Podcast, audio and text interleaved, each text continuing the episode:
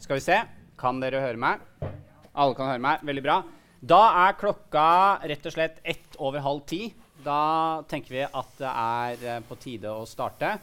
Først så vil jeg bare si velkommen til alle sammen til eh, altså vårt konsept Politisk frokost med.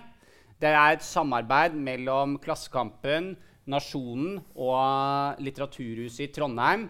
Hvor vi fram mot valget eh, intervjuer spennende politikere fra forhåpentligvis alle partier. Vi har, vi har booka inn alle partier bortsett fra Venstre. Eh, fram da til eh, kommunevalget. Det, vi har en åpen invitasjon på Venstre. Det er ikke det at vi har liksom aktivt ikke bedt Venstre om å komme. Så vi har en invitasjon. Vi har bare ikke fått, fått spikra den ennå. Um, ja, mitt navn er Jo Skårderud. Jeg er journalist i avisen Klassekampen. Min kollega er Cato Nyquist, som altså da er politisk redaktør i Nasjonen. Uh, og dagens gjest er altså leder i Rødt, Bjørnar Moxnes. Uh, før vi kommer til introduksjonen av uh, Bjørnar Moxnes, så skal jeg bare gi et par veldig kjappe beskjeder.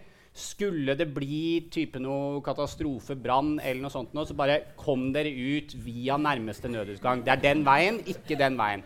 Er, ja, bare løp den veien. Um, vi kommer til å holde på, Jeg og Cato kommer til å grille Bjørnar i ca. 45 minutter. Etterpå så kommer vi til å la dere grille Bjørnar i type 30-40 minutter. Og så prøver vi å være ferdig her litt før klokka 11. Og så uh, Ja, siste jeg vil si før, uh, før vi slipper til før jeg introduserer Bjørnar, er at i liksom disse pølsefesttider, hvor det er mye fokus på media og som fester med politikere og sånt nå, så vil jeg for ordens skyld bare informere om at jeg uh, på et tidspunkt var medlem i partiet til Bjørnar. Jeg meldte meg ut for over fem år siden. Men det kan hende at det er en eller annen pølsefest i historien der. Uten at det skal da påvirke dagens sesjon. Da tror jeg at liksom, formalitetene er i orden, og jeg kan starte å introdusere vår gjest. Um, gjesten i dag er altså Bjørnar Moxnes. Han er 37 år, ble leder i partiet Rødt i 2012 og Rødts første stortingsrepresentant i 2017. Eh, men han har en lang fartstid på radikale venstresiden før det. Helt fra slutten på 90-tallet, hvor han ble skal vi si, radikalisert som følge av at bydelen hans ble invadert av nynazister. Og han eh, ble da politisk aktiv mot, da, åpenbart, eh, nynazistene. Ja. Eh, men eh, på tross av at han har en fargerik opprinnelseshistorie om hvordan han ble med i politikken, så forteller utro tjenere på Stortinget at han er en eh, eksepsjonelt streit person. Det er veldig få lik gjemt i, i lasten. Han har musikksmaken til en 60 år gammel mann. Hører nesten utelukkende på Bruce Springsteen men er hovedmistenkt i flere tilfeller av godteri som har forsvunnet fra kollegers kontor. Eh, en liten litt sånn eh, merkelig greie er at der andre leverer skjortene sine til Stortingets skjortevasketjeneste, så insisterer Bjørnar Moxnes på å stryke sine egne skjorter på kontoret sitt. Litt uvisst hvorfor. Eh, da til, eh, til uh, grillinga Bjørnar Moxnes. Det er sånn at vi i um, Når vi skal ha disse møtene, så, så, legger vi gjerne ut en invitasjon på Facebook hvor det er sånn Er det noen av dere som har noen spørsmål som vi burde stille? Og, og denne gangen så var det det. Det første spørsmålet som vi skal stille i dag, det kom eh, via Facebook eh, fra Ola Borten Moe, nestleder i eh, Senterpartiet. Han er ikke her i dag men vi skal stille spørsmål allikevel. Og Ola Borten Moe lurer på Moxnes. Dette er jo noe som det kommer til å bli spurt uh, mer om nå som dere uh, vokser som parti. Uh, og det er Støtter dere er, er Rødt for eller mot det norske demokratiet? Det skal jeg svare på. Men først skal jeg bare si en ting, at du glemte å nevne på musikksmaken Åge. Ja. Altså, jeg, er, jeg er stor fan, og er til og med kvart trønder. Så jeg er liksom arvelig belasta på det punktet der. da. Uh, men jeg er glad for spørsmålet fra, fra Borten Moe. Uh, svaret på det spørsmålet altså i kortversjon er, er jo ja. Ikke bare det, men at vi uh, jo slåss ganske sånn iherdig for å prøve å forsvare det norske demokratiet mot det som undergraver det. Uh, både innenfra og utenfra. Uh, utenfra så er vi ganske enige tror jeg, med Senterpartiet, altså mot undergraving av det norske uh, folkestyret i form av EØS-avtalen, overstyring fra Brussel. at EØS er en avtale som er veldig unik, for den gir den ene parten rett til å omforme samfunnsforhold hos den andre parten. sånn er ikke vanlige handelsavtaler, men sånn er EØS-avtalen. Så den undergraver norsk suverenitet og uthule folkestyret. Og det er også de som er for avtalen, er enige om at det er en demokratisk fiasko. Så er svaret deres å gå inn i EU. Mens vårt svar er å gå ut av EØS. Da. Så det er forskjellige løsninger eller forskjellige, forskjellige svar på det. Men jeg tror vi er ganske enige om måte, analysen at den avtalen der er en fiasko for det norske folkestyret og undergraver det. Så det slåss imot for å forsvare det norske demokratiet, uh, som Senterpartiet gjør. Og så uh, slåss jo vi uh, mot de kreftene i samfunnet vårt da, som ikke har demokratisk makt, uh, men som får stadig mer makt i samfunnet i form av eierskap, altså privat kapital, som presser folkestyret på retrett, altså på sektor og etter sektor. Uh, Dette ble også for så vidt dokumentert gjennom maktutredninga som kom for vel sånn 12-13 år sia. Den største egentlig den største gjennomgangen av endringer i norsk samfunnsliv er jo maktutredningene. Det har vært to av dem, etter hva jeg husker. Uh, og diagnosen som den forrige stilte, det var jo demokratiets tilbaketrekning. Fordi markedskreftene går inn og fyller det rommet hvor uh, de folkevalgte trekker seg ut. Og det slåss vi også mot. Uh, blant annet handler jo kampen vår mot privatisering. Om å forsvare folkestyrets rett til å styre velferden. Men så har vi det punktet hvor vi nok skiller lag fra, sånn veldig tydelig da, fra Borten Moe og Senterpartiet. Uh, og det er jo uh, vårt syn på kapitalisme. At vi mener at det er et system som per definisjon innebærer og fører til uh, maktkonsentrasjon hos noen få som ikke er valgt. dette er jo tendensen i hele den vestlige verden. Det er det som også er bakgrunnen for at den radikale venstresida styrker seg. At til og med i USA så er nå sosialisme mer populært hos demokratene-velgerne enn kapitalisme. Det er fordi kapitalismen fører til maktkonsentrasjon på toppen hos de ytterst få som ikke er valgt, og legger egentlig makta over hele samfunnets utvikling i hendene på noen veldig få mennesker som ingen noen gang har valgt. Og Der er nok jeg og Borten Moe grunnleggende uenige. Ja, fordi det tror jeg dere er. For jeg tror ikke at uh, Nå har ikke, jeg, har ikke jeg en særskilt innsikt i hodet til hva, hva, som foregår inni hodet til Ola Borten Moe. Men jeg tror ikke det er EØS eh, han er bekymra for. Mm. Men det han nok er bekymra for, og som uh, f.eks. Jonas Gahr Støre uh, er bekymra for når han sier at han blir spurt da, mm. på, mm. han blir spurt på Dagsnytt 18 om han føler uh, seg nærmest beslekta med Høyres Erna Solberg eller Rødts Bjørnar Moxnes, så sier han at nei, han er tydelig nærmest Erna Solberg. Mm. Fordi eh, Høyre har et demokratisk eh, sinnelag eh, og er liksom tilslutta parlamentariske tenkninga, mens Rødt har en vei å gå, sier han, og påpeker spesifikt dette her med at Rødt er revolusjonære og vil ha revolusjon for å bekjempe kapitalismen.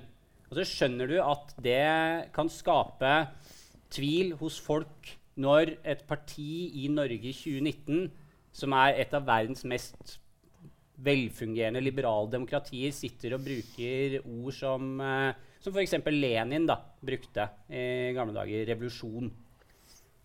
Altså, jeg tror at det, sånn Historisk uh, så er det jo ikke vanskelig å forstå at mange har vært skeptiske til det som Rødt kom fra. Uh, og den tradisjonen som man hadde på 1970-tallet, hvor, hvor, man var uklare mildt sagt, i synet på demokrati.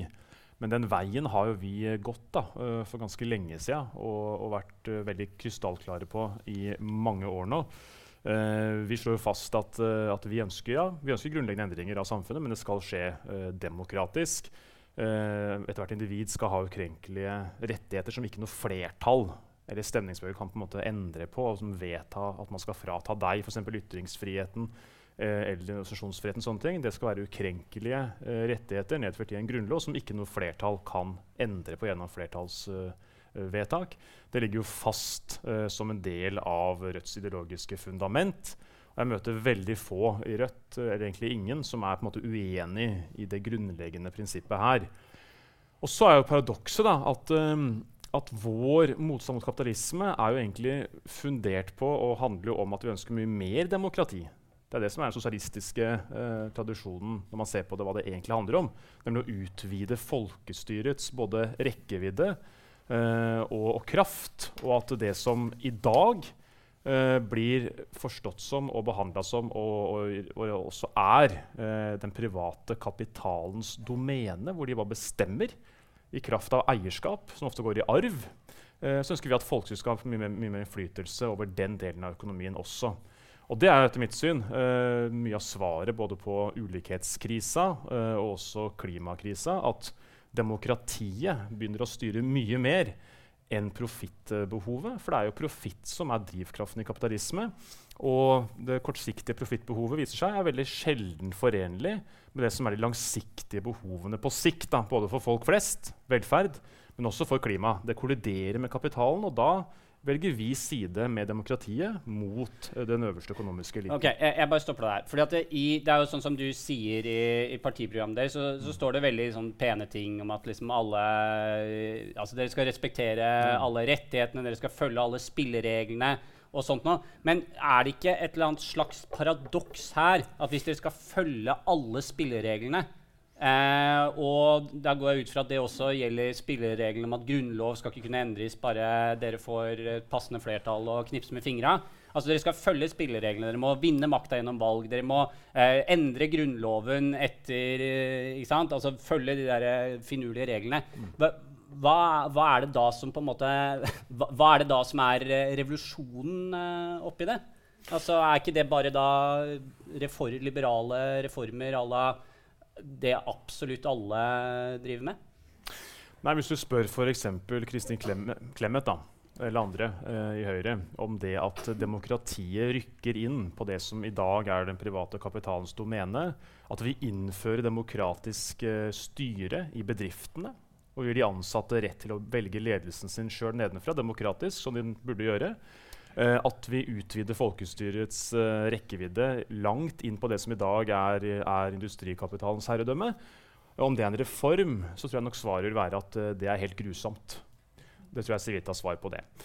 fordi det å rokke ved eiendomsretten til, til storkapitalen historisk, det er de veldig lite interessert i. Da Gerhardsen prøvde seg på det med bankene på 50- og 60-tallet, så var jo svaret fra, fra altså sjefen i Bankforeninga, som siden var på Stortinget for Høyre, at han lovte en økonomisk borgerkrig. Det var svaret fra, fra den kanten på den tida her. Så det er klart, når vi rokker ved de grunnleggende eiendomsforholdene, som ikke handler om enkeltpersoners rett til å eie boligen sin og sånne ting, eller bil og alt det der, altså det, det, skal jo folk gjerne eie mer av, altså boliger, framfor å være prisgitt utleiere. Men altså retten til å styre produksjon, de store virksomhetene, som er viktige for hele samfunnet. Uh, så er det nok en, en, revolusjonær endring, men det skal skje på demokratisk vis. Det er et grunnleggende prinsipp for oss. Det skal ikke være noe, noe kuppaktive over det. Så en reformistisk eh, revolusjon gjennom reform? Ja, altså da? I vårt nye program så skriver vi om reform og revolusjon. Det er ikke noen motsetning, men det her henger sammen. Ok. Eh, da vi, vi, må Vi er ikke helt ferdige her. Fordi eh, Bård Larsen i, i Civita, en mann eh, altså Civita som er høyresidas tenketank, en mann som virkelig ikke liker partiet ditt. Bare sånn hint, hint. Sier, sier, du det? Ja. Han sier at det er helt meningsløst å snakke om at eh, Rødt er en del av, altså har lagt bak seg den autoritære arven sin mm. før eh, de legger bort alle ideer om eller i hvert fall ordet da, eh, revolusjon og eh, kommunisme. Og jeg, du viste det nye partiprogrammet. Jeg har eh, lest utkastet til det nye prinsipprogrammet deres. Eh, og det, eh, i det programmet, hele veien, så hører man ingenting om kommunisme før helt siste ord. Så i programmet, som er det dere slutter med, dette kaller vi rødt kommunisme, og så er det en greie om, uh, om ja, Jeg kan vise det. Må lese setningen, da. Ja. Ja, ja altså det, er, det, er, en lang greie om at man skal fjerne undertrykningen, og kampen skal fortsette i et sosialistisk samfunn og innenfor naturen altså jeg, jeg kunne, Du kan vel kanskje gi en slags sånn oppsummering av dette avsnittet. Mm. Poenget her er mm. Altså, dere, dere vedtar da absolutt dere var, Det var ett ord unna å vedta et program unna, unna hvor dere fjerna kommunisme. Og da lurer jeg liksom på hvorfor, hvorfor insisterer dere på å ha med dette her med de assosiasjonene eh, til eh, samfunn som stort sett alltid har endt opp med å, å mislykkes fullstendig i programmet. Og når du veit at det erter Jonas Gahr Støre, det erter eh, Ola Borten Moe, det erter Bård Larsen, det erter VG, det erter alle eh, Eller veldig mange, i hvert fall. Et argument for. Uh, altså Punkt én er jo at, uh, er jo at vi uh, som parti med over 7000 medlemmer som har blitt med Rødt på, på, på, vårt grunnlag, vi lar jo ikke Bård Larsen og Civita legge lista for hva vi skal mene om samfunnet. Altså, det er en sånn tanketvang som de prøver å innføre i norsk politikk. Hvor realiteten er at hvis du ikke er for kapitalisme, det er realiteten Hvis du ikke er for den private eiendomsretten for kapitaleierne, hvis du ikke forsvarer den som en slags menneskerettighet, ja, så er du per definisjon totalitær og grusom. Det må vi bare avvise, for det er en tanketvang eh, som, eh, som, egentlig umuliggjør noe annet enn å slutte lojalt opp da, om eh, Civitas verdensorden i litt forskjellige uh, sjatteringer. Og det er helt uh, umulig for oss, fordi vi ønsker noe annet enn dagens kapitalisme. og så er Det sånn at det som står i siste avsnitt i Forsøk til nytt prinsipprogram, det er vel at vi ønsker oss et samfunn, altså et klasseløst samfunn. Det er liksom det vi ønsker, som er vårt langsiktige mål. og det kaller vi i Rødt kommunisme. Uh, det med klasseløst samfunn er jo et mål som arbeiderbevegelsen har hatt i sine programmer. Alle dens partier. Uh, I nesten alle år siden den bevegelsen ble stifta. Uh, eh, Sjøl om VG nekter for at arbeiderbevegelsen historisk er sosialistisk. Og prøver liksom å lage et skille der. At den liksom er en slags sånn prokapitalistisk uh, samfunnskraft som er helt absurd. Men sånn er det jo i VGs tankeverden. da.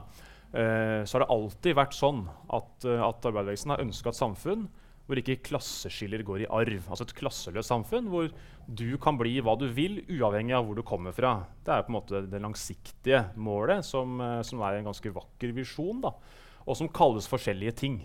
Uh, programkomiteen vår uh, skriver inn det, at det kaller vi i Rødt kommunisme. Så får vi se hva landsmøtet vedtar. Det er opp til dem. Det er ikke vedtatt, det er jo et utkast. men målet om et samfunn uten klasseskiller det mener jeg står helt klart fast. og hvis det er noen, uh, noen, argument for, da. Det er ikke sikkert det er det, men, uh, men faktisk så var det også det at, uh, at målet om et klasseløst samfunn var jo også målet for Arbeiderpartiet helt fram til 80-tallet i deres prinsipprogram, som de da avskaffa hele prinsipprogrammet. Da. da får vi snakke med Jonas Gahr Støre når han kommer hit neste uke. Men jeg skal straks slippe til Cato. Bare ja. et siste spørsmål. fordi i eh, gamle dager så var det vanlig å, når eh, man slapp til Rødt eller RV eller forgjenger AKP, å advare mot at hvis du lar disse folka få noe som helst innflytelse, så blir eh, Norge som Kambodsja, eller det blir som Albania, eller det blir som eh, Maos Kina.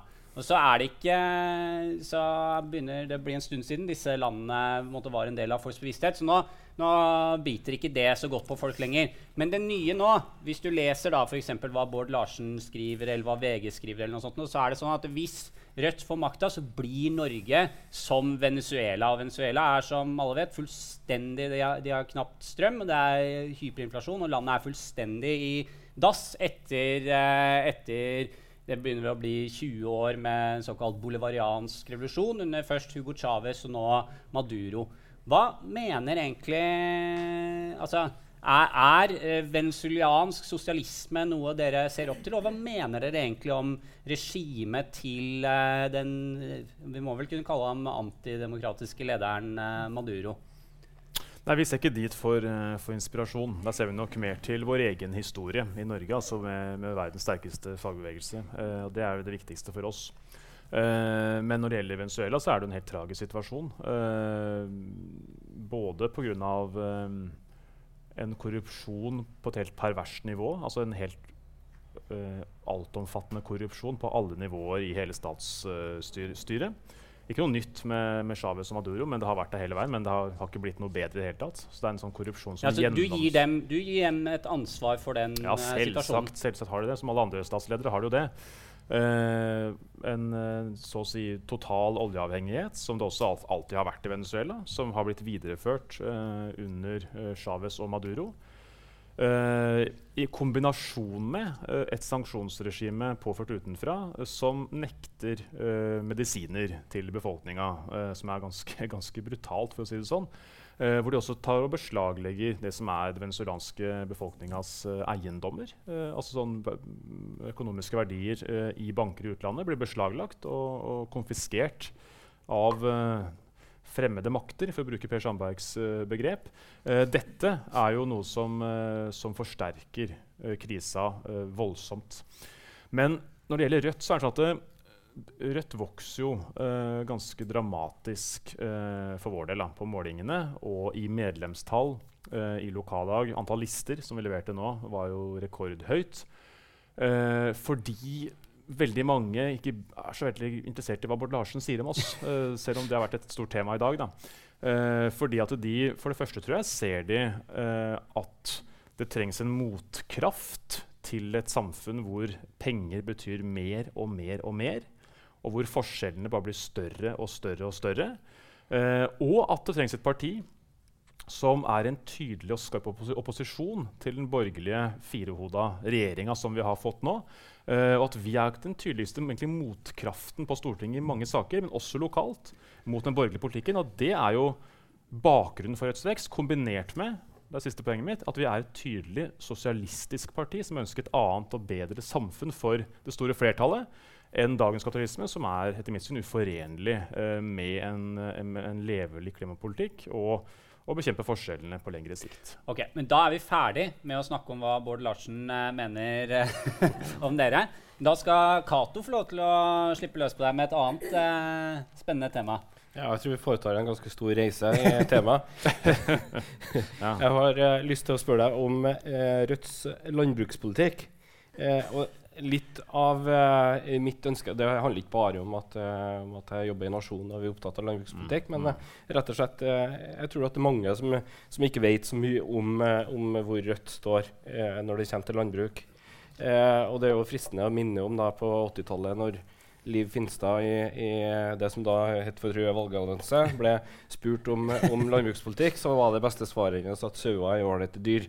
Eh, jeg tror kanskje ikke hun var helt forberedt på å møte de spørsmålene. Eh, har gitt deg et lite forvarsel om at du vil snakke om det, så, så jeg tipper at du er litt bedre forberedt. Eh, jeg tenkte jeg skulle begynne litt sånn åpent. Hva, hva er hovedprinsippene for, for landbrukspolitikken til, til, Rødt? Ja, For det første at sauer er veldig ålreite dyr. Eh, det, det, er, det, står fast. Det er bra. Eh, det er jo rødt kjøtt, eh, tross alt. Og, og, ulven også. Veldig ålreit. Det, det, her går hånd i hånd. Uh, nei, altså det, vi, det, vi, det, som vi har uh, programfesta, som er viktigst for oss, uh, er jo å, å bedre uh, bøndenes inntekts- og produksjonsvilkår i Norge. Vi er for landbruksstøtten. Vi er for samvirkene. Vi er for å få ned importen. at vi importerer kjøtt fra andre land mener vi er, skal begrenses mest mulig for å ta i bruk norske beiteressurser eh, i størst mulig grad og føre en politikk som stimulerer og gjør det mulig eh, med økt bruk av utmarksressurser. Eh, vi har stått veldig steilt imot eh, forsøkene på å åpne opp eh, landbruket for aksjeselskaper.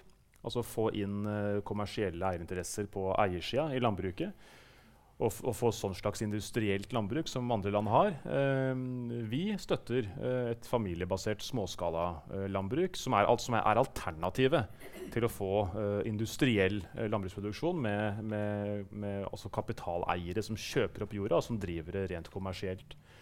Så Det er vel tror jeg, hovedprinsippene for oss. Og så ønsker vi jo å få ned eh, avhengigheten av import da, av, av, av soya. Uh, den båten fra Brasil som kommer til, til Norge hver måned, er det vel. Mm. den er, altså, hvis den båten ikke kommer, så går det dårlig ikke sant, med, med norsk landbruk. og det er et problem at vi er såpass avhengig og baserer oss på en ikke bærekraftig import av bl.a. soya. For å ja, det handler i stor grad om sjølforsyning. ikke sant? Ja, ja. ja. Så jeg, altså, det er jo ikke så En skulle jo nesten tro at det leste opp fra, fra, Senterpartiets politiske program. Det er jo ikke så veldig mye som skiller Eh, deg og Ola Borten Moe på det området, i hvert fall. Jeg, sa jo ikke noe om det her med rovdyr. da. Nei, det var der det kom. så det er kanskje noe der. Ja, For ulven er også et ålreit dyr, som du sa. ja, jeg, det var det eneste jeg sa. Så det var et lite, lite hint om det. Nei, men vi er, vi er, for, altså vi er for, importvernet, naturligvis. Altså vi, er, vi, er, for, altså vi ønsker jo et landbruk eh, sånn, Vi har et ansvar for å produsere mest mulig eh, bærekraftig på våre egne ressurser eh, i en verden hvor veldig mange mangler mat. At vi skal ha mer import. Der mener vi er usolidarisk. Eh, vi bør bruke norske gressressurser eh, og bruke også norsk mm. ut, utmark mest mulig for å produsere det vi trenger av matvarer på en bærekraftig måte. Mm. Men du sa også det at, eh, at dere får en uh, inntektsutvikling da, i landbruksnæringa. Eh, eh, men jeg har lyst til å komme litt tilbake til det her med kapitalisme. For jeg, jeg, tror veldig mange bønder som jeg treffer, i hvert fall, mm. eh, bekjenner seg til det kapitalistiske system. Da. Også de er, om ikke de er kapitalister, så er de i hvert fall småkapitalister. De opererer i forhold til et marked. De selger, selger varene sine fra, eh, som de produserer på på eiendommer som de sjøl eier. Eh, her, her, er det jo altså, Her eh, ønsker jo dere å øke støtten til ja, la oss da kalle dem småkapitalister. Hvordan henger det egentlig sammen i forhold til det dere ellers snakker om, at kapitalismen skal bekjempes og, og, og ja, styrtes, styrtes, også, hvis man skal dra på litt? Nei, Det henger jo sammen fordi det er sånn som uh, Syvilisthaug har sagt at uh, landbruket i Norge det er kommunisme på norsk. Altså det er, uh, gjennom, det er gjennomregulert, og det er, uh, det er, veldig langt fra på en måte, FrPs skrivebordsteoretiske verden, ikke sant? hvor du skal ha såkalt fri konkurranse, og hvor markedet skal bestemme. Altså Norsk landbrukspolitikk har jo vært en, en suksesshistorie med, med, tanke på også at fellesskapet går inn og styrer. Og at uh, bøndene gjennom egenorganisering og samvirkene uh, sikrer uh, både tilbudssida og at det er for fornuftig fordeling av verdiene på andre sida. Så, sånn som vi ser det, så er det her en, en, en fortelling om, om, hvordan regulering og organisering er nødvendig for å få best mulig utnyttelse av ressursene. og ganske langt fra en sånn kapitalistisk landbruksmodell som andre land har som naturligvis fører til at du får eierkonsentrasjon. Det er det som aldri Høyre har skjønt. ikke sant? Kapitalisme fører, fører, til monopol. Det fører jo til at de store blir større og får mer og mer makt. Og enda mer makt ikke sant? og kan kjøpe seg opp mer og mer. og mer. Det er, det er, det er kapitalismens innebygde modell. ikke sant? Derfor konsekvensen av den at de som er store, blir større og får stadig mer makt over hele markedet. Uh, og det har jo motvirka i Norge gjennom hard politisk styring. Uh, bestemt demokratisk gjennom Stortinget. Uh, og det ønsker vi å, å, slå ring rundt da, for å unngå at vi får en sånn, uh, mer sånn kapitalistisk utvikling. Men så er det jo et punkt hvor, hvor vi mener at en del bønder har mye å gå på, og hvor det trengs å, å jobbes ganske hardt. Og det er jo utnyttelsen av billig arbeidskraft, særlig fra Øst-Europa. Den er jo mye av i landbruket. Og det er en ganske skitten business. Og der må det ryddes opp der også. Ikke bare på byggeplassene, Uh, hvor du har mye sosial dumping, men også sosial dumping i landbruket. Der trengs det tøffe tiltak, og det er jo vi egentlig i fremste rekke da, for, å, for, å, innføre i arbeidslivet vårt. Uh, det handler om, det handler jo om allmenngjøring av tariffavtaler og sånne ting. Eh, blant annet. Der har jo land, landbruket gjort en jobb, men ja, altså, mener du at det fortsatt foregår sosial dumping i stor skala i, i norske landbruksgrender? Ja, særlig sesongarbeidere. Det er liten tvil om det. Uh, det. Men det vi tror er det grunnleggende problemet her, altså årsaken til at det, at det er mulig å holde på sånn her for klart Vi er for enhver form for styrking av Arbeidstilsynet, for å gi fagforeningene mer, uh, altså mer armslag, flere verktøy, redskaper for å avdekke sosial dumping. Vi er for å styrke politiet og alt dette her. ikke sant? Men det som er det grunnleggende driveren som muliggjør uh, sosial dumping i utstrakt grad, som vi ser i mange bransjer, det er at du har et helt uregulert arbeidsmarked over hele Europa. Hvor land som har vidt forskjellige lønnsvilkår, vidt forskjellig levestandard, vidt forskjellige kostnadsnivåer. At du i et, i et sånt kontinent har fullstendig uregulert flyt av arbeidskraft, kapital, varer, tjenester. Altså det som er uh, pilarene i EUs indre marked. Det er det som gjør det mulig for arbeidsgiverne og også for en del bønder å i stor skala kunne utnytte uh, folk fra fattigere land uh, til å jobbe på dårligere vilkår enn de som bor her i landet. Og Det er jo derfor vi bl.a. er for å gå ut av EØS-avtalen for å komme ut av denne uregulerte markedsflyten, som er kjernen i hele EU-prosjektet. Det er det som er kjernen. Under fri flyten på kapitalens premisser. Det er vi imot. Du syns eh, brexit-prosessen eh, er et godt tegn på hvordan eh, bryte ut av EØS? Det viser i hvert fall to ting. da. For det første at vi må aldri finne på å bli med i EU. For du kommer jo faen aldri ut. Altså Det er det ene. At Du må aldri finne på å bli med i EU. Du, du slipper ikke ut. Det andre er at du sier ganske mye om britisk politikk. Det sier mye om britisk politikk og hvor skakkjørt uh, situasjonen er i England. Uh, og norsk politikk uh, er et litt annet sted. da folkeflertallet sa nei til EEC i 1972, så forhandla den tapende part fram en frihandelsavtale med EU. De gikk i gang og fikk forhandla den fram. De hadde prøvd å få oss inn i unionen. De tapte avstemninga, respekterte det resultatet og forhandla fram en, en avtale om frihandel som jo sikra Norge tollfri adgang til hele EU for industrivarene våre. Det er ikke sånn som Jasia sier, at hvis EØS ryker, så stopper varene ved Svinesund. Fordi Vi solgte jo varene våre til Europa før 1992 og 1994 også. ikke sant? Vi hadde tollfri adgang med frihandelsavtalen av 72 til EU den vil tre i kraft i det sekundet vi går ut av EØS. Ja. ikke sant? Det er, det er, en større diskusjon om hva som har skjedd, men jeg avbrøt Cato. Så det bare, bare, ja, med brexit i bakspeilet så måtte vi spørre. Ja. Ja. Vi har jo vært litt innpå det her med privat eiendomsrett. og, og så Mitt inntrykk er jo at uh, Rødt har et litt sånn problematisk forhold til det. Eh, eller sa, ikke er så begeistra for den uh, eiendomsretten, da, eh, for å kanskje være mer presis. og norske bønder er jo eh, store eiendomsbesittere. Så de eier jo eh, den eh, grunnen eier leier den grunnen de produserer mat på, og eier også store skogeiendommer, bl.a. Store utmarksarealer. Hvorfor skal bonden omfavne et parti som i så sterk grad stiller spørsmål ved den private eiendomsretten? Nei, fordi at, uh, altså for det første fordi at vi jo også omfavner og støtter uh, det familiebaserte småskalalandbruket. Altså det skriver programmet vårt, og det står vi for. Og fordi at uh, den støtten som vi sånn sett gir til, de, til bøndene, er jo også men jeg, et, bål, et bålverk mot det som de borgerlige partiene har prøvd på. Nemlig å slippe til aksjeselskaper og få inn det kommersielle, ikke familiebaserte eierskapet inn i landbruket, så man kan selge uh, jorda ikke sant? og selge landbrukseiendommen til svære kommersielle selskaper som driver industriell produksjon for å harve ut mest mulig spenn av landbruket. Det ser vi i andre land. Uh, vi står mot en sånn utvikling. Så der mener jeg at vi har, uh, har, en ganske tydelig politikk i programmet vårt.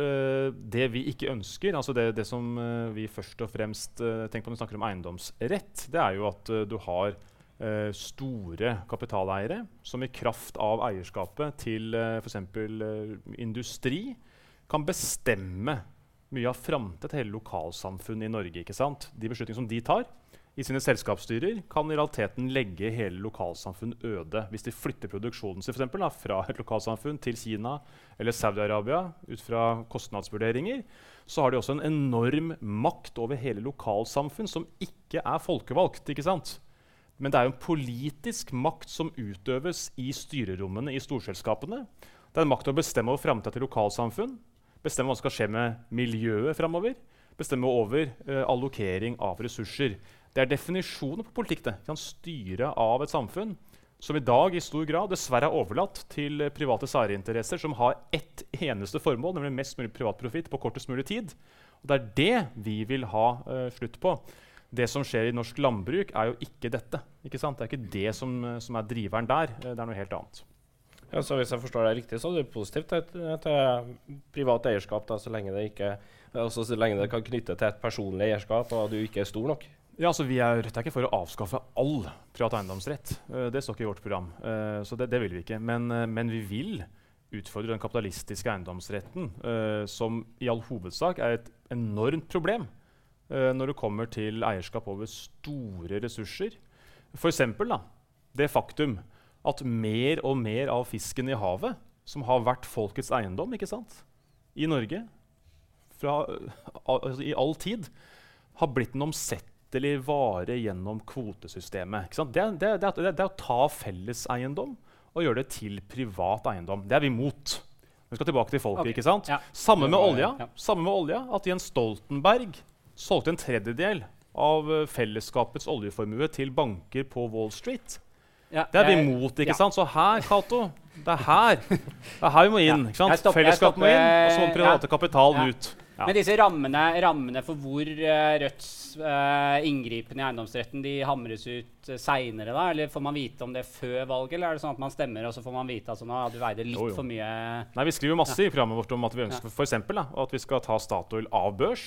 Da må vi kjøpe ut disse amerikanerne, og hvem det nå er og få tilbake fellesskapets eiendom. Ta det av børs, bruke som et redskap for å få til et grønt skifte i Norge. Okay, for eksempel. det var, bra, fin, uh, det var en bra overgang ja. til uh, vårt, neste, vårt, neste, kapittel, fordi uh, vi, må, vi, må, prate om, vi må prate om grønt skifte, og vi må prate om industri og velferd. Fordi i, når jeg leser Rødt sitt program, da, så er det et, det er et veldig flott samfunn du får. Du får eller som dere jobber for, da, det er så å si alle velferdstjenester, inkludert tann Jeg er litt usikker på øynene, men inkludert tann Jeg bare, jeg bare gjetter på øynene også.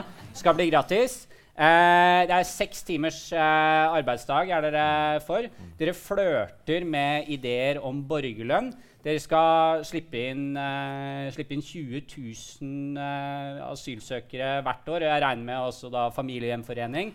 Og, og, og, og i tillegg så skal dere ha en enorm eh, omstilling til et grønt samfunn og bygge opp minimum 100 000 grønne arbeidsplasser eh, over ja, det er vel fram mot 2030 eller noe sånt nå, i løpet av veldig kort tid. Og det jeg eh, lurer på da, er hvordan i all verden skal dere få til det her? Altså få råd til det her? Mm.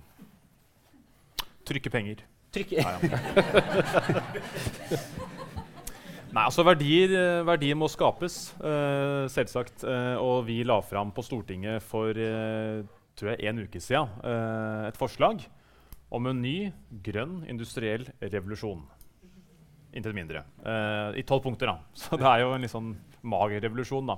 Men, men den har vi også for snakka en del om i forskjellige medier. men men, og det kan man også lese på, på Stortinget ennå hvis man ønsker å se nærmere på det vi foreslår. Eh, men grunn, altså, tanken bak eh, det vi foreslår, er jo at vi ikke kommer utenom klimatrusselen. Altså, vi skal dramatisk ned i utslipp. Det kommer ingen utenom. Det skal skje, og, og det må skje. Ellers er alternativet atskillig mye verre, for å si det sånn.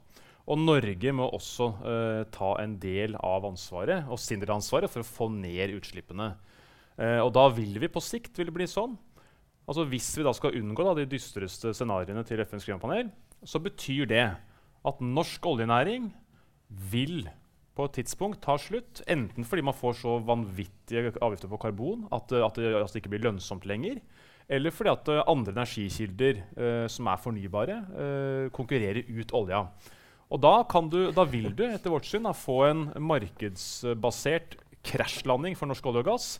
Eller du kan, som vi ønsker, ha en kontrollert nedtrapping samtidig som du bygger opp nye industriarbeidsplasser. Ja, okay, som er det okay, vi foreslår ja. i, i, vårt program. Ja. Og det vi da uh, har nevnt der, blant annet, er jo satsing på å foredle det som er uh, viktig råvare i Norge, mye, mye lenger. ikke sant? Uh, satsing på, på offshore, offshore havvind. Uh, som kan bli et industrieventyr for Norge. Det kan uh, om ja, få tiår du, får, du får albue inn uh, ja. dette her. du må, okay. Vi må snakke litt om den kontrollerte landinga her. Fordi, fordi mm. dere har jo alt dette fantastiske som dere skal gjennomføre. inkludert dette grønne skiftet som vil kreve en muskel Altså et løft. Mm. Ja. Altså kjempe, kjempeløft. Alt dette her vil jo dere gjøre mens dere får da denne kontrollerte avviklingen av oljesektoren.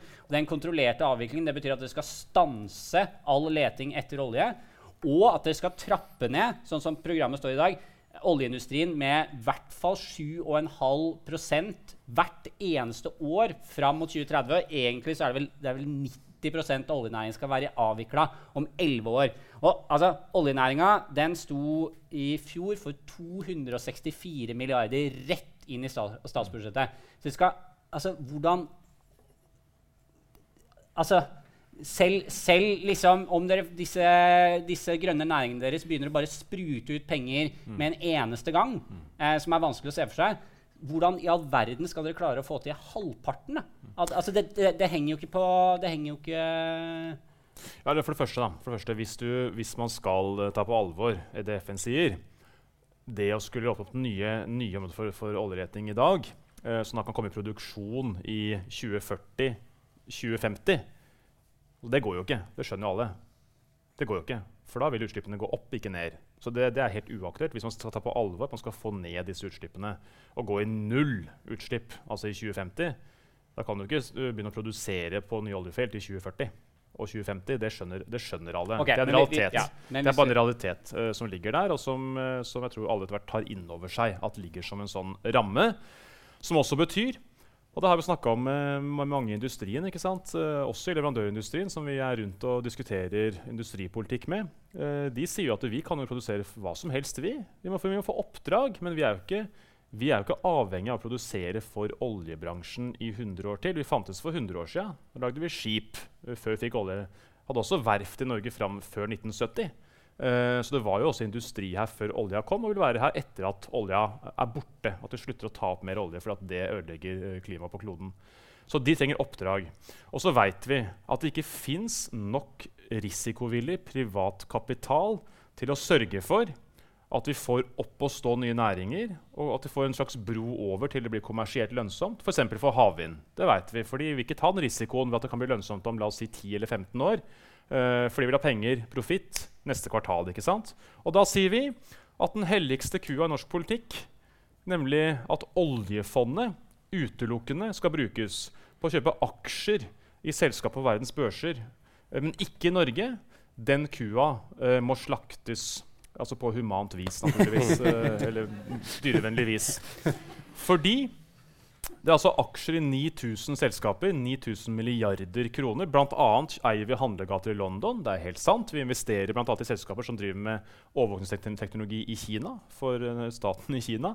Altså et passivt eierskap uh, i en drøss av selskaper verden rundt, også som er i konkurranse med norsk industri. Men ikke én krone investeres fra statens side på å bygge opp nye næringer i Norge. Uh, og det må vi etter vårt syn gjøre for å ha sjanse til å bli ledende teknologisk på nye næringer og bygge altså en bro over til, eh, til eh, en, en, grønnere framtid. Da må noen bære den kostnaden som ikke privat kapital er villig til å ta. Så vil jeg bare si det som Marie nevnte i Klassekampen da hun var, eh, var på Stord altså for to uker siden, om det årstallet. At, uh, jeg er enig med henne i at å ha sånt årstall, 2030 uh, tror jeg er uklokt. Uh, fordi at uh, du må faktisk få de opp og stå, de nye næringene, før du kan sette noe årstall for dette her. Men det du kan vedta politisk på Stortinget, er f.eks. å stanse de enorme subsidiene av oljenæringa som vi har i dag. Leterefusjonsordninga, enorme subsidier av en bransje. Så staten subsidierer dette her ganske massivt. Eh, ikke åpne opp nye felt for oljeleting. Hvis vi skal ta, ta, på alvor da, det FN sier om klima, så kan vi ikke gjøre det. ikke sant? Eh, og så produsere på de feltene vi har, eh, for så vidt til, til, det er tomt der, men ikke åpne opp nye felt eh, for, eh, for, olja. Det mener vi er helt, eh, helt, avgjørende hvis vi skal både kombinere klima eh, med ny industri. Gjør vi ikke det? Hvis vi kun gjør som Arbeiderpartiet, da, som er liksom tøffe, tøffe, mot oss og sier at dere, liksom, dere setter oljearbeidernes framtid i spill osv. Da er vårt svar til dem at det er egentlig dere som gjør det. Fordi det vil komme en krasjlanding for den bransjen før eller siden. Uh, vi ønsker en plan for å få opp ny industri vi, og nytt, nye arbeidsplasser før mm. den krasjlandinga kommer. ikke sant? Mens Ap sier ja. tut og kjør. Og det holder ja. ikke, mener jeg. Uh, apropos tut og kjør, jeg uh, hvis jeg nå forstår deg riktig, så skal du bruke oljefondet til å investere massivt i, i, i grønn industrireising i, i, Norge. Infrastruktur. Og infrastruktur. Mm. Eh, samtidig som, eh, som eh, dere skal ta FNs klimapanel på alvor og, og bygge ned eh, oljenæringa ganske hurtig, da, hurtigere enn det en del andre partier eh, går inn for. Og eh, Samtidig så skal vi også innføre, eh, som Jo var inne på, eh, gratis tannpleie, sekstimersdag og, og så, eh, mange tunge og kostbare velferdsløft. Jeg bare lurer på, altså, Hvor stor er den honningkrukka egentlig? Altså, er, er, det, er det her realistisk politikk? Det vil sikkert uh, Bård Larsen kunne svare nei på, hvis vi spør han. Eh, men det er klart, altså, det, altså Høyresida vil alltid mene at det er urealistisk at, uh, at staten skal ta noe som helst ansvar for grep om industripolitikken. det vet vi jo. Sånn har det alltid vært. Og hadde vi gjort som min gode kollega Carl I. Hagen, både fra Oslo bystyre og Stortinget, ville, så hadde vi jo solgt ut rettighetene for, til olja til amerikanske selskaper fordi markedet vet best. ikke sant? Men, uh, men lærdommen lærdom av norsk oljehistorie er jo at uh, det har vært en enorm suksess at fellesskapet, staten, tok knallhardt grep om den bransjen. Stilte knallharde krav til å utvikle norsk teknologi, arbeidsplasser, kompetanse, framfor å bare gi amerikanerne fri tilgang. det er helt åpenbart en suksesshistorie som vi kan lære mye av, og ikke minst også norsk industrihistorie. Konsesjonslovene. Det var en gang at Venstre var progressivt. Det er 100 år siden, men allikevel. De var jo det. Med konsesjonslovene, hva var det? Det var ikke å gi bort fossefallene til franskmenn og, ja. og engelskmenn og sikre nasjonalt eierskap. Så bruke krafta til å lage norsk industri, arbeidsplasser, eksportinntekter. Framfor som vi nå gjør på Stortinget, de andre partiene, dvs. Si de borgerlige pluss Ap og MDG, og sende kraft ut av landet som en råvare. Ja. Men med ACER, da, da galskap. En, det er det omvendte en, det er det eh, omvendte av industripolitikk. Det er råvareeksport. vi, må, vi må over, til, uh, over, til, siste del av Spørsmålet er skal vi være en råvarenasjon eller industrinasjon. Nei, spørsmålet er det Cato nå skal ta deg over på. Ja. Litt av bakgrunnen for at vi sitter her, da, ja. det er at vi, vi, vi, vi går jo mot et, eh, mot et valg, også et, eh, et, kommunevalg, et lokalvalg. Eh, og det må vi også snakke om. Mm. Eh, og Du nevnte jo her eh, nå tidligere at, at Rødt nå stiller, stiller eh, mange flere lister enn jeg har gjort tidligere. jeg har hørt et tall der på 140 lister. en sterk vekst til tross for at du har fått færre kommuner. Og, og, og hvis uh, tallene har hørt det riktig, så, så, vil 20% flere ha muligheten til å stemme på, på, på Rødt uh, i dette valget. Uh, men hva er, hva er, på en måte strategien? Altså, hvordan skal dere vinne de her nye velgerne ut i, ut, i, bygder og grender og byer? Nei, vi, er jo, vi er jo på en måte godt i gang. Altså Det som har løfta Rødt uh, på målingene og i oppslutning i medlemstall uh, landet rundt, uh, er jo ikke det som for så vidt hovedstadspressa skriver, at vi er liksom opportunistiske og sånt, og, og vender kappa etter vinden og hele tida finner nye populære saker. Det er det at vinden har snudd ikke sant, i vår retning. at veldig mange ser at Rødt er en veldig viktig kraft for å bekjempe de økende forskjellene, som de fleste i Norge ønsker å få gjort noe med. Eh, veldig mange er lei av at eh, enorme skattesummer går rett ut av velferden til privat berikelse for velferdsprofitørene, som altså beriker seg på å ta penger fra barnehager, fra eldreomsorg, fra barnevern, fra asylmottak. Og vil ha slutt på det. Og se at, Arbeiderpartiet der har vært vinglete, mens Rødt har pressa fram en ny politikk i mange kommuner ved å stille knallharde krav om å stanse profitten ut av velferden. Det slår an over hele landet, har jeg merka. Uh, og at, uh, at, Rødt er et parti som også har konkrete løsninger for å få ned forskjellene i forskjellige kommuner, også her i Trondheim. Så det tror jeg er noe av, noe av bakgrunnen for at vi vokser. Men, men det er det, de tinga vi hadde For et par uker siden så hadde vi Audun Lysbakken sittende i samme stolen her. Mm. Og han, han, når vi spurte ham han, hvordan han skulle vinne kommunevalget, så sa han mye av det samme. altså Bekjempe forskjeller, konkret politikk. ikke sant? Folk er lei av privat profitt i velferden. Jonas Gahr Støre kommer hit neste uke. Han kommer til å si sikkert mye av de samme tinga. Altså, det er ganske trangt for disse kjernesakene deres eh, på venstresida nå. Alle, alle, sier varianter over det samme, og så flørter dere med miljøet. Og der eh, driver Miljøpartiet De Grønne og flørter også. Hvorfor, eh, hvorfor på en måte er det dere som skal klare å ta ut den eh, Altså vinne på de sakene der, når du har andre større partier som som sier veldig mye av det samme. Og så kan du, kan du si at å, sant, dere har vært med å pushe på liksom bidratt til at de ligger der de gjør. Men nå, nå er det jo de enig med dere i mye, da. Nei, men det er jo at Folk liker jo originalen. bedre enn en liksom bleik kopi. Uh, det tror jeg. Og det, det er bra at Arbeiderpartiet kommer etter, uh, men uh, på Stortinget så stemmer de jo fortsatt ned. da. De stemmer jo ned forslag om å stanse profitten i velferden. De stemmer mot det, sammen med de borgerlige. Jeg ser det jo. Sitter du her? Hver, hver, hver jævla gang det er votering, så er jeg der. For er, vi har jo ikke et utbytting. Vi har ikke vi har bare én foreløpig, så du kan ikke ha det som utbytting. at du kan ha noen, ja.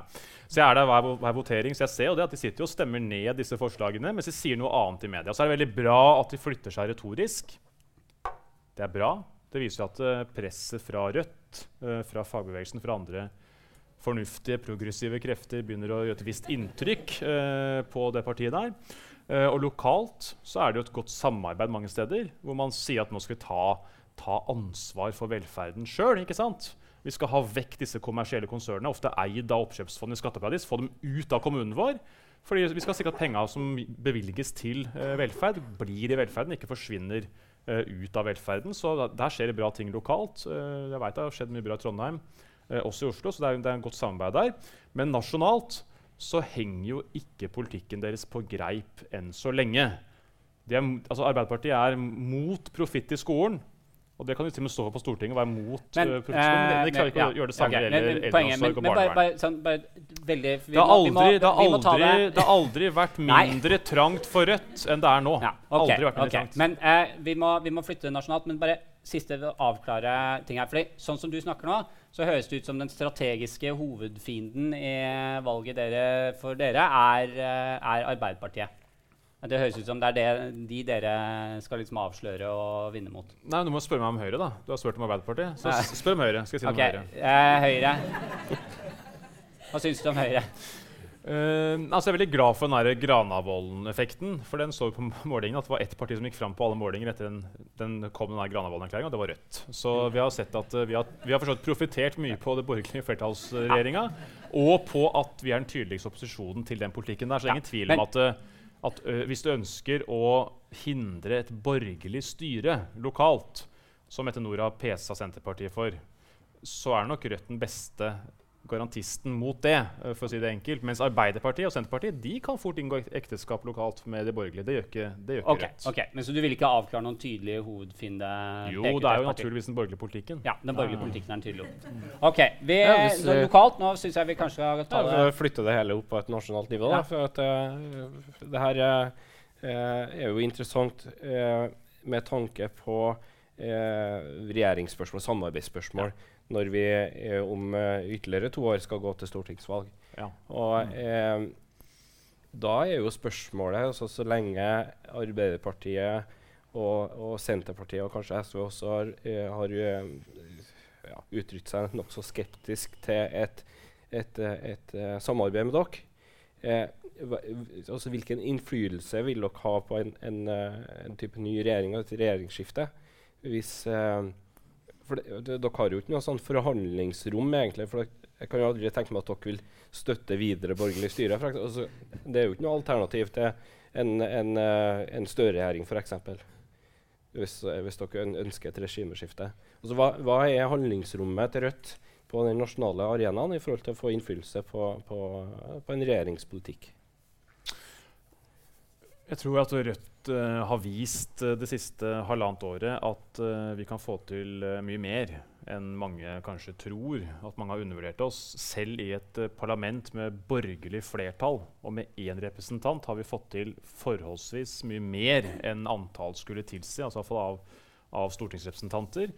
Og det er fordi at vi i noen saker, når vi jobber godt og har et ordentlig trøkk og støtte på utsida av Stortinget, kan bringe den kraften der inn i Stortinget og sette fyr på ting på en god måte. Vi gjorde det med Listhaug. Ikke sant? Vi har ikke, har ikke, satt fyr på henne, altså, men hun ble jo Tvert imot. Hun sier at hun ble satt fri i boka si uh, av, av, oss. Så det er jeg jo glad for da hun måtte gå av som justisminister. Så vi har satt henne fri. Men altså, vi, vi, tok den energien på utsida av Stortinget, det raseriet som fantes der ute mot at hun fikk holde på uten konsekvenser, og flytta grense for grense for grense, tok vi inn på Stortinget. Og da ble det umulig for de andre partiene å stemme mot vårt uh, forslag om mistillit. når vi brakte det inn på Stortinget. Vi så det samme med luftambulansesaken. Vi tok engasjementet som var der ute, inn på Stortinget. Fikk pressa fram et flertallsvedtak om å få utreda offentlig insourcing av hele luftambulansetjenesten i Norge. ikke sant? Uh, vi så det, så det, samme også i ACER-saken, hvor vi fikk pressa hele den store maktblokka i norsk politikk ganske langt på defensiven. Nådde ikke gjennom i vedtaket, men pressa dem ganske hardt. fordi vi tok inn energien og kraften på utsida av Stortinget inn på Stortinget. Det er Rødts metode for å få makt. Det er å bruke det som er av makt der ute, inne på Stortinget. Og så vil vi da, vil vi da synliggjøre etter 2021, når Rødt har brutt sperregrensa og kommet inn med kanskje 10-12 stykker, uh, mest sannsynlig, trolig noen trøndere også, så vil vi da stille tydelige krav og vise hva Støre kan få til hvis han samarbeider med oss. Og så er det hans valg om han i stedet for det vil gå til partiet Venstre uh, eller KrF eller Høyre. Det er opp til Støre å gjøre, men da vil jo sikkert velgerne merke seg det. da. Og ikke minst fagbevegelsen, hvilket valg, veivalg Arbeiderpartiledelsen tar i 2021. Det er opp til dem vi skal bare vise hva du kan få til sammen med oss, og så kommer vi til å stemme for fornuftig politikk uh, og mot dårlig politikk fra en sånn regjering. Stopper vi deg der, uh, og så tenker jeg vi slipper til publikum. Jeg ja. hvis ikke du hadde noe. Da, det, da, har vi brukt opp vår tilmålte tid. Og da er det og, og litt mer enn det. Uh, da er det deres tur. Vi har en vandrende mikrofon rundt omkring. Jeg bare sier at dette, det blir filma, dette opptaket. Så hvis man har lyst til å bli liksom redigert ut senere, så vet jeg ikke helt, for jeg er helt ærlig om det er teknisk mulig, men det går i hvert fall an å si fra, eh, si fra til tekniske folka.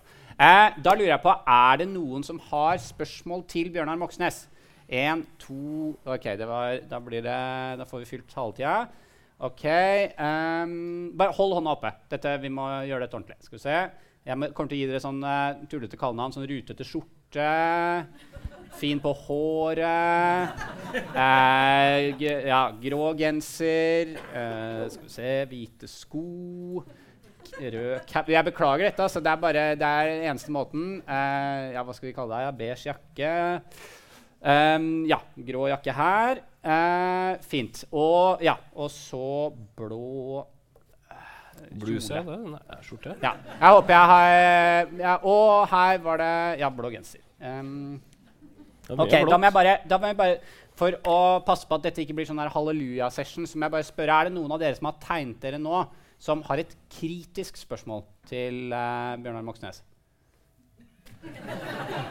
Ja, se der er det kritisk. Det er et sånn semikritisk spørsmål fra, fra Fin på håret der. Ja, men da Fint, da passer vi på at da blir det rutete skjorte først, og så blir det fin på håret, og så skal vi passe på å få grå jakke opp. OK. Da starter vi med deg, ruteskjorte. Vær så god. Ja, rutete skjorte her. Ja. heter, heter Reidar uh, fra Hitra. Men jeg bor i Trondheim nå. Jeg har et spørsmål om EØS. Uh, eh, og så litt om Om du kan forklare litt om det, og om ACER og vindkraft og sånt det er de vel interessert i på, mm. i Trøndelag, tenker jeg. Så. Mm. mm. Tusen takk. Det var et forbilledlig spørsmål her hvor man holdt det uh, ganske kort. Jeg glemte å si det. Uh, hold spørsmålet deres relativt korte og ikke som sånn lange foredrag. Jeg må også be deg uh, Moxnes, om å, å, svare relativt konsist. For nå ble du utfordra på store temaer, så nå må du klare å tilpasse det, sånn at vi får svart på de andre spørsmåla også. Og så var det klima. Og, og klima. du, får, du, får, du, må nøye deg med stikkordsversjonen, ruteskjorte. Så, men uh, ja. Mm. Ja, nei, altså på, på EØS så er jo vårt syn veldig klart at vi ønsker å erstatte det med en handelsavtale uh, for å slippe at, at EU uh, eh, endrer på norsk samfunnsliv og overkjører tariffavtaler, eh, endre spillereglene i arbeidslivet. Eh, alt det her. At vi ønsker å, å få tilbake den selvråderetten som vi har. Eh, som blir undergravd da, med EØS. Eh, og det som skjer i arbeidslivet, tror jeg gjør at veldig mange etter hvert ser at det trengs endringer. Da. man ser også at stadig, stadig flere i særlig privat sektor, eh, industrien, de tunge forbundene der, vender seg mot avtalen fordi at den er en årsak til uh, sosial dumping uh, i Norge som, som, er veldig alvorlig. Uh, ACER, som var en strid i fjor, og som ikke er over. Fordi EU endrer jo helt av sin lovgivning. Det er det dynamiske elementet her. ikke sant? Når du først lar EU få myndighet over en del av norsk, norsk samfunnsliv, så vil endringer da, som EU foretar uh, på energiområdet, da få ganske umiddelbar konsekvens i Norge, siden vi er en del av, av EØS-avtalen. Men vi så på det og ser på det som en eh, kamp om å ha eller ikke ha full uh, kontroll over energipolitikken, ikke minst når det gjelder eksportkabler, om vi skal ha flere av dem eller ikke. Uh, de defineres som del av den kritiske infrastrukturen. Uh, EU ønsker en fri markedsflyt av energi, og de ønsker å få tak i norsk strøm, ikke minst fra vannkrafta, til sitt energimarked. vi ønsker å sikre at den strømmen brukes til beste for norske innbyggere. Uh, og uh, at vi bruker den til beste for norsk industri for å sikre foredling av metaller og mineraler uh, gjennom verdens reneste produksjon, som skjer på norsk vannkraft i Norge. ikke sant? Så produserer du ett tonn aluminium for å ta det, på gasskraft er vel utslippene åtte ganger større. Kullkraft 16 ganger større. Det er et ganske monnerlig bidrag til klimadugnaden å ha norsk industri basert på strøm fra vannkrafta. Kan jeg stoppe han der? Eh, fordi vi må ha til de andre. Så kan du bare huke tak i den etterpå. Han skal videre til Studentersamfunnet også senere i dag, så det er mulig å bare loffe opp dit hvis man har ubesvarte spørsmål. Da er det bak der. Vær så god. Vil du jeg skal se på meg, da? Ja, jeg heter Egil Heistad, kommer fra Per Sandbergland. Um, spørsmålet mitt handler om retorikk. da. For på borgerlige sider ser vi at de har hatt en ganske eh, polariserende retorikk. Og Rødt representerer jo et parti som er veldig polariserende på den andre sida. Er det noe som vi ønsker å se at flere på venstresida legger fra seg snillismen og blir med på Rødt i en sånn veldig motstående retorikk? Eller kan det skape større polarisering og enda mer forferdelige utspill i media, som vi så med f.eks. ungene som protesterte mot klima?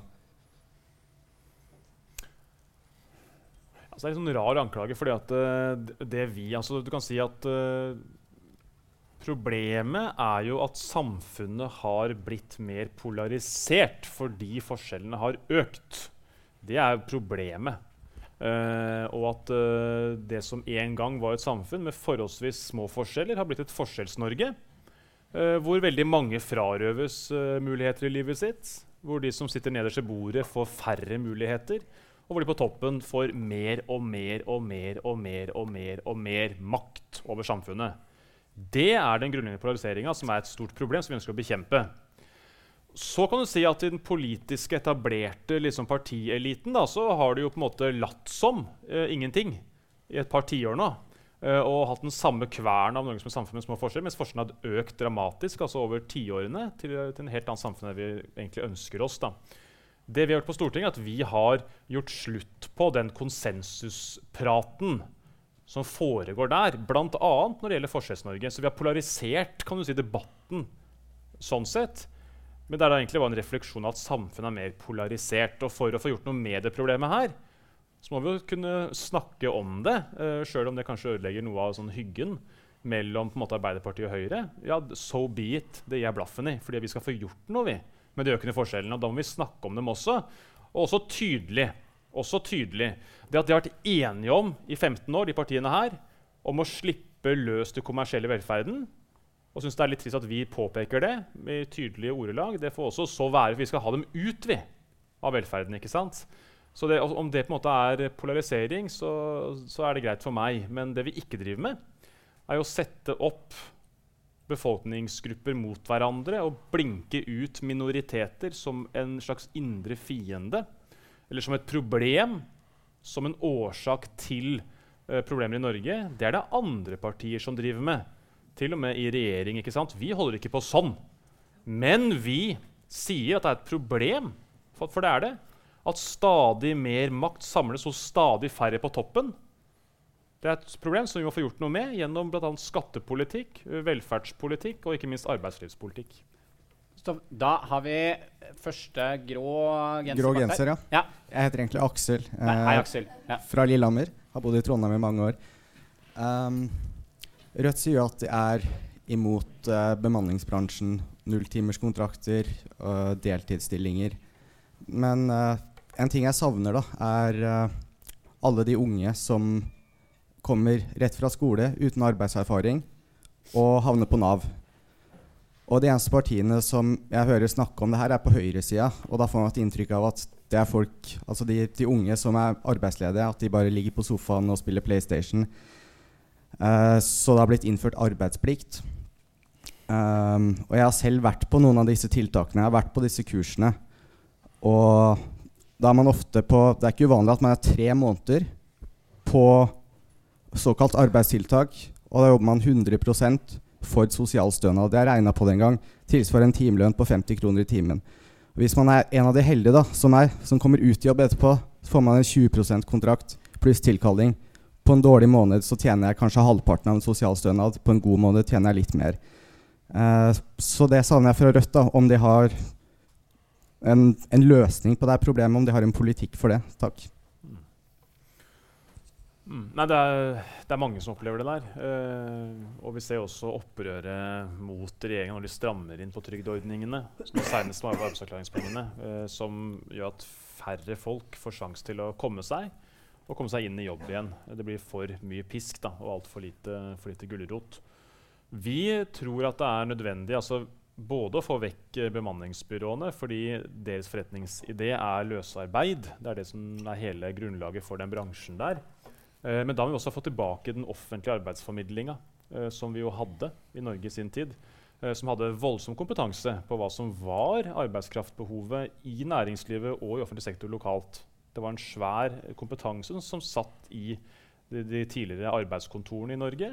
Den mente bl.a. EU gjennom EØS at var konkurransevridende Altså De visste for mye, hadde for god kjennskap til de lokale forholdene. de offentlige arbeidskontorene. Det var konkurransevridende mot de private kommersielle bemanningsbyråene. Så da var det slutt på at de skulle drive med arbeidsformidling. Så nå er det jo helt sånn at I stedet for da henvise folk til bemanningsbyråer og til diverse jobbsøkerkurs, som iblant kan oppleves litt meningsløse, uh, ut fra hva jeg har hørt. fordi at du får ikke mer jobb av at du blir flinkere på å liksom, ikke, selge deg selv hvis ikke noen vil ha deg. Det er det som er noe av problemet her. da. Og at uh, mange virksomheter kun vil ha folk som kan jobbe 100 eller 110% Så for det første altså få tilbake uh, en offentlig arbeidsformidling, uh, hvor målet er å få folk inn i jobb, ikke bare å bruke arbeidskraft, som bemanningsbyråene driver med, gjennom løsarbeid. Uh, og så uh, ha et reelt mer, mer, inkluderende arbeidsliv enn det vi har i dag. Og der tror jeg at det som Jo snakka om, nevnte litt før i dag, det å få satt ned arbeidstida i Norge på, på lengre sikt, at folk som har litt helseplager, kan stå i jobb uh, uten å måtte utstøtes til uføretrygding f.eks., uh, er viktig. Uh, det å ruste opp arbeidsvilkårene, gjøre det lettere å komme inn f.eks. I, i jobb i helse, helsevesenet, få opp grunnbemanninga, er noe som også vil gi flere arbeidsplasser og rom for de som kanskje ikke kan jobbe maksimalt da, i dagens uh, ganske sånn krevende arbeidsmarked. Stopper deg der. Da er det der. Og så bare før du tar ordet, så vil jeg si at etter han så har vi altså da seks spørsmål igjen. Mm. Det skal vi klare, men da blir det de, det blir de seks spørsmåla, og da er alle, alle holder det konsist. Du også. Ja. Hallo. Mitt navn er Tommy. Jeg er fra Trondheim. Uh, kritisk spørsmål. Um, uh, rød, rød, politikk uh, Ville du sagt at måte, denne Eller kritikk, kritikken her kommer med i hvert fall at den er for uh, Den gir for få og for enkle svar på komplekse samfunnsmessige utfordringer. Uh, for eksempel Sett vekk fra, sett vekk fra uh, alle, all den volden som på en måte har vært uh, uh, i Sovjetunionen. noe som virkelig laga problemer der, var jo, var jo, nettopp det at man hadde veldig enkle løsninger for komplekse problemer. Uh, F.eks. Det, det å straffe uh, hardtarbeidende bønder som produserte mye. Mat. Uh, ja, så er det Kulak-bøndene. Uh, på, på, grunnlag av at åpenbart så var ikke det at de jobba hardt, men at de var velferd, velferdsprofitører. Kan jeg stoppe? Ja? Uh, dette er jo på en måte, Jeg oppfatter dette som et bra spørsmål. Jeg oppfatter det som både et spørsmål om uh, sosialistiske land historisk og per i dag. Uh, dere, er dere for, for, kjappe med å gi enkle, enkle, svar på spørsmål som er veldig komplekse? Det nikkes ja. Altså det enkleste svaret er jo det som uh, vi ofte hører, som er at dette ordner markedet. Det syns jeg er, er, det enkleste svaret. Uh, og også den største ansvarsfraskrivelsen. Uh, når vi f.eks. tar til orde for en, en statlig industripolitisk offensiv for grønn industri, eksempel, så er det rimelig komplekst. Det er mye lettere å bare si her satser vi på at noen finner opp en ny teknologi. Vi skal bare lukke øynene og hoppe på det beste som jeg syns uh, er liksom hovedtendensen når det kommer til borgerlig næringspolitikk. Uh, det er veldig lite komplekst og veldig enkelt, og det er også ganske stor sjanse for at det kommer til å mislykkes. Da. Så jeg tror, ikke, jeg tror, ikke, vi har så mye til felles med den politikken som ble ført uh, i Sovjetunionen på 1920-tallet. for å si det sånn. Uh, ganske langt unna det. Uh, det er nok et litt annet kapittel og et annet regime og en annen ideologi enn det vi står for. Yes, da har jeg Disse notatene mine er ikke 100% perfekte, så, så, den neste nå er hvite, står det her. Hvem kan det være? Ja, hvite sko! Der er du.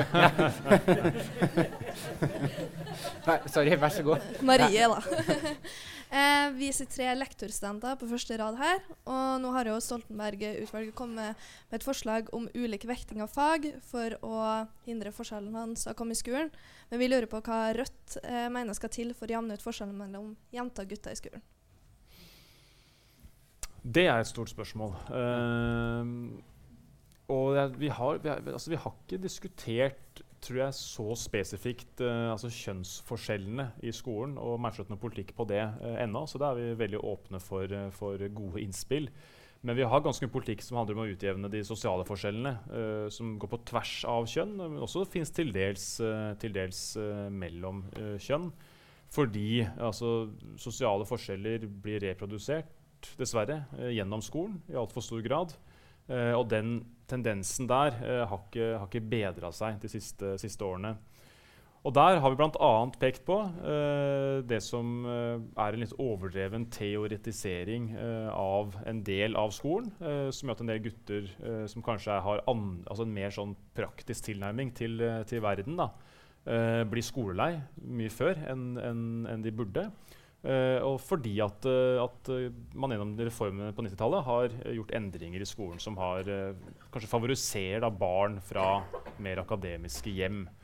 Så det å få mer relevant teori, ikke få bort teorien, men å få mer yrkesrelevant teori inn i skolen, er viktig. det å sikre at det fins lærlingplasser det er viktig. Uh, og der har det vært, og er det store mangler. Og der kan kommunene stille ned krav til de som bygger for kommunene, for, eksempel, for å sikre at de har lærlinger. Fordi ungdom er ikke dumme hvis de veit at, uh, at uh, det er ikke noe framtid som murer. For det, det blir bare utkonkurrert av arbeidskraft fra Romania, f.eks. Det er ikke noe framtid som, som rørlegger.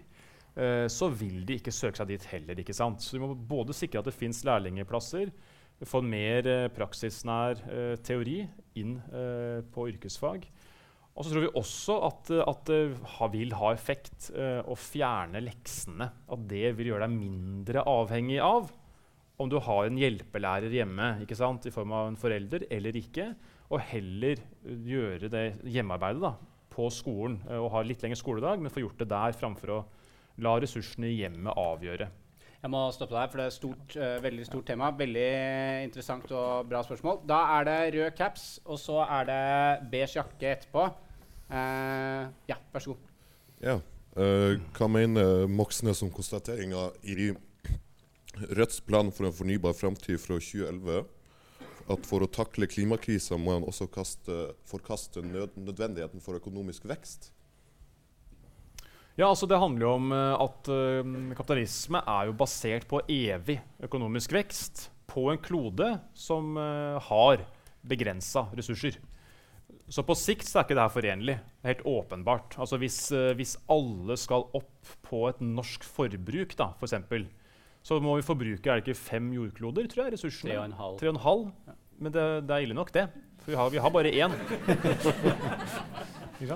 så evig økonomisk vekst på den måten som skjer i dag, uh, det er helt uforenlig uh, med en levelig framtid for kloden. Uh, og kunne faktisk altså gjenvinne ressursene som vi forbruker. Vi har den, der, den dagen i året hvor vi har brukt opp ressursene for ett år. Den kommer jo stadig tidligere. ikke sant? Og så, for, og så bruker vi mer enn det kloden klarer på en måte å, å gjenskape. da. Så det er sånn grunnleggende problem med dagens økonomi, at den er basert på en sånn evig økonomisk vekstmotor. Vi ønsker jo, for, vi ønsker jo et, et samfunn hvor du ikke har profitt som drivkraften. Eh, for økonomien, hvor menneskelige behov er det som styrer produksjonen og styrer samfunnet gjennom altså dem demokratiet. Gjennom man lager planer for økonomien i fellesskap, bruker storting, lokalt nivå, eh, regionalt nivå, for å også styre mer av samfunnet og økonomien. Og da kan du jo sette helt andre mål for, produksjonen enn å sikre profitten til en bitte liten elite, den øverste halve promillen av verden, ikke sant, som jo eier nesten hele verden nå er det jo deres profittbehov som styrer verdensøkonomien.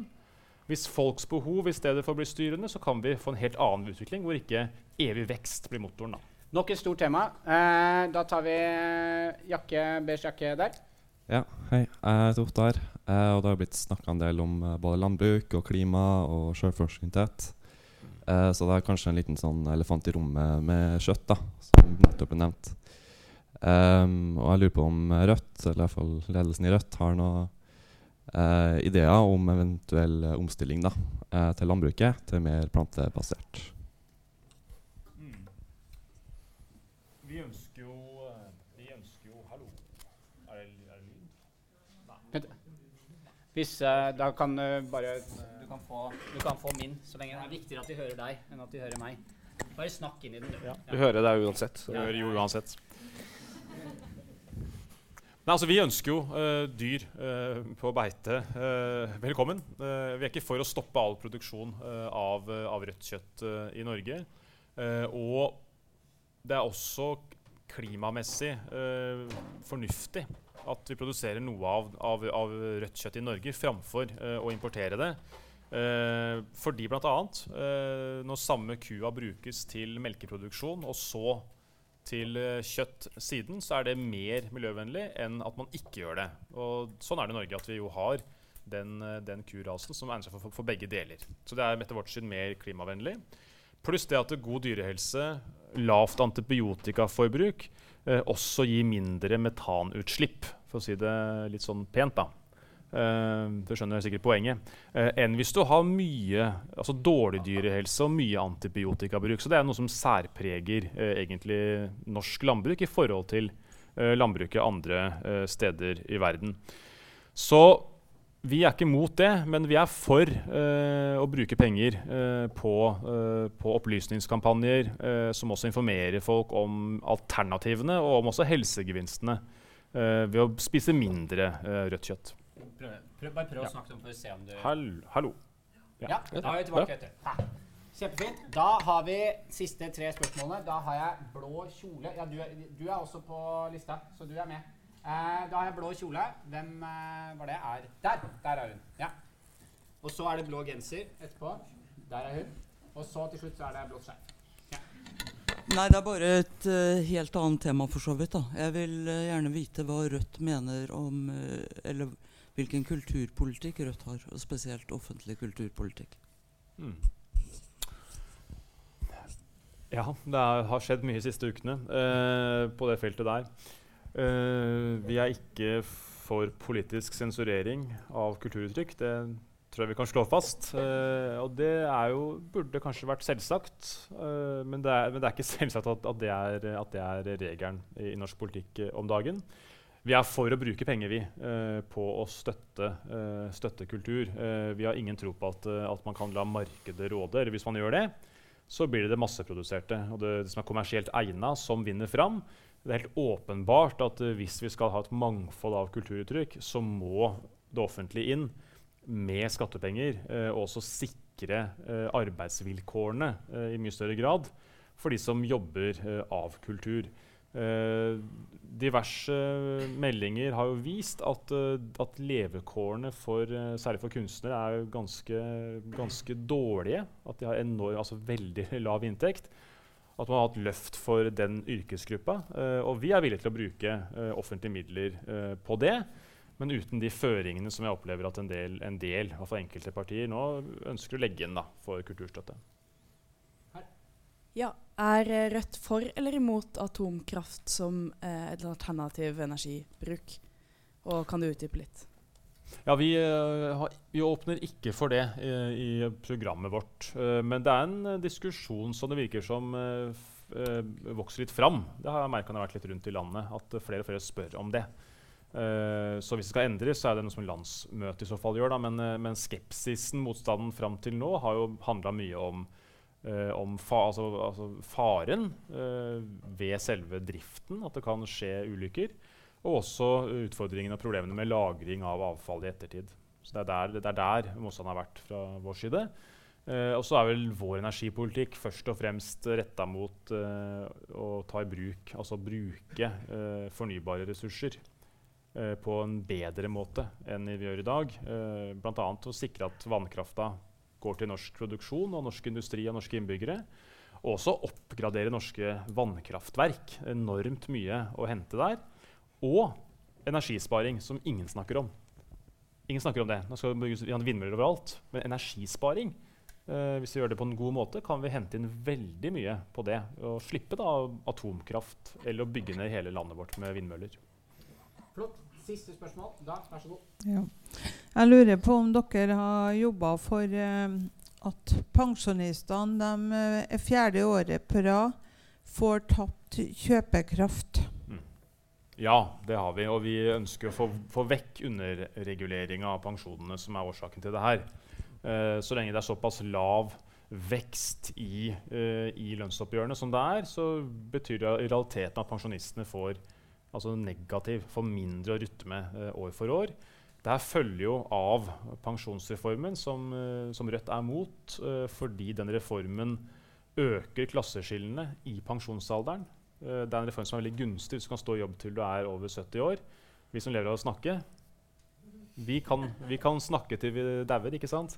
De som eh, jobber i helse, helse, og omsorg, de som uh, jobber i industrien, de som jobber i, i butikker, de som jobber i tjenestenæringa, som har jobber som sliter på kroppen over tid, de kan ikke stå i jobb til de er 75.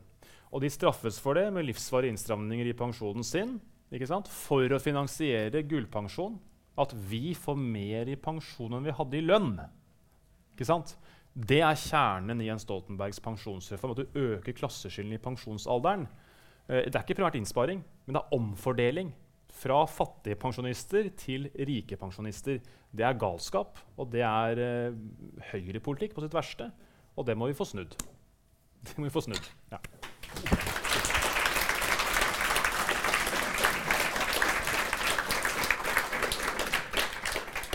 Det var uh, mange store temaer som kom inn her på slutten. Jeg vet at det er flere av dere som også hadde spørsmål som vi ikke rakk her, så dere får bare etter beste evne prøve å huke tak i Bjørnar Moxnes. Eh, nå vil jeg bare si på vegne av Litteraturhuset, Klassekampen og Naksjonen tusen takk til deg, Bjørnar Moxnes, for at du stilte opp her og, og svarte på alle våre og deres spørsmål. Så applaus til deg. For det. Så, så vil jeg også si takke publikum for uh, skarpskodde, gode spørsmål uh, som, uh, som, vi ikke hadde tenkt på. det var ja, både også med en kritisk snert. Så det setter vi pris på. Veldig bra. Vi slutter ikke å bli imponert over at folk dukker opp på disse frokostmøtene. Det er kjempehyggelig å se så mange. Vi håper å se flere av dere her neste uke. Da er det Jonas Gahr Støre som skal bli grillet. Og da blir det rom både for konstruktive og kritiske spørsmål fra salen. Så tusen takk for i dag, og så håper jeg vi ses neste uke. Ha det bra.